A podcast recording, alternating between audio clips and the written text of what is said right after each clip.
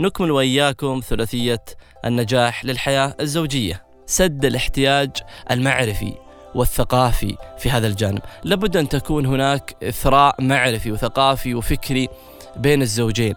أه، بعض الأزواج يتقدم ويتعلم ويتثقف وزوجته تبقى كما هي. بعد فترة يصبح هناك فرق شاسع ما في أه، توافق بين الزوجين. يشعر الزوج أن زوجته مي فهمته أو العكس. ممكن تكون الزوجة على قدر من العلم والمعرفة وزوجها لا يواصل هذا الجانب بشكل كبير.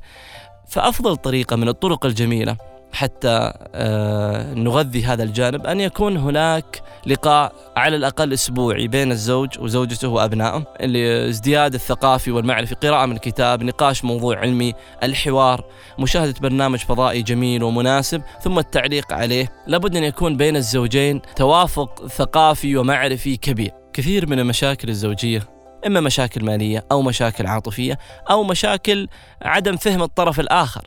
كثير من الناس يجهل الطرف الآخر أو الزوجة تقول زوجي مو فهمني أو الزوج يقول زوجتي ما هي فهمتني. ليش؟ لأن مع الزمن الزوج يتعلم ويثقف ويقرأ في الأحوال الزوجية أو في ثقافته الخاصة أو في ثقافته المعرفية أو التجارية.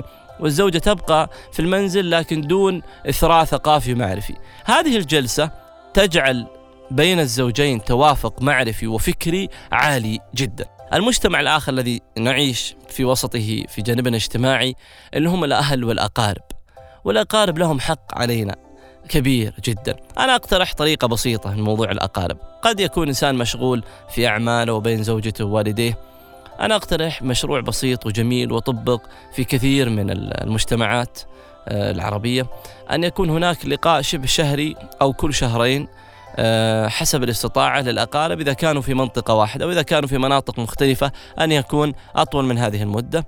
يتعارف الأقارب ويلتقون ويلتقي أبنائهم في هذا اللقاء الشهري ويكون هذا سبيل وصال كبير لك ولك المجتمع القريب للإنسان في وسط عمله مجموعة الأصدقاء والأصحاب. وفي الغالب الآن آه، مجتمع الأصدقاء والأصحاب غلب على كثير مننا في العمل وخارج العمل. بل يكاد يكون غالب وقتي مع أهلي وأصدقائي. وهذه القضية ليست خاطئة وليست صحيحة آه، قطعا لكن آه، نضع نسبة وتناسب أو توازن بين المجتمع اللي أنت عايش فيه. لابد أن تتوازن بين والديك وبين زوجتك وأقاربك وبين أيضا أصدقائك. الأصدقاء أنواع. منهم من هم أصدقاء عمل أو أصدقاء مشروع أو أصدقاء فكرة. حدد علاقتك بهم حسب ظروفك الخاصة. هذا هو الجانب الاجتماعي وما يتعلق به من آه، علاقات ومن تواصل ومن طرق وأفكار حبيت إني أطرحها بشكل بسيط جدا لكي نعيش سعداء بإذن الله عز وجل مع هؤلاء الناس. نلقاكم في حلقة قادمة بإذن الله.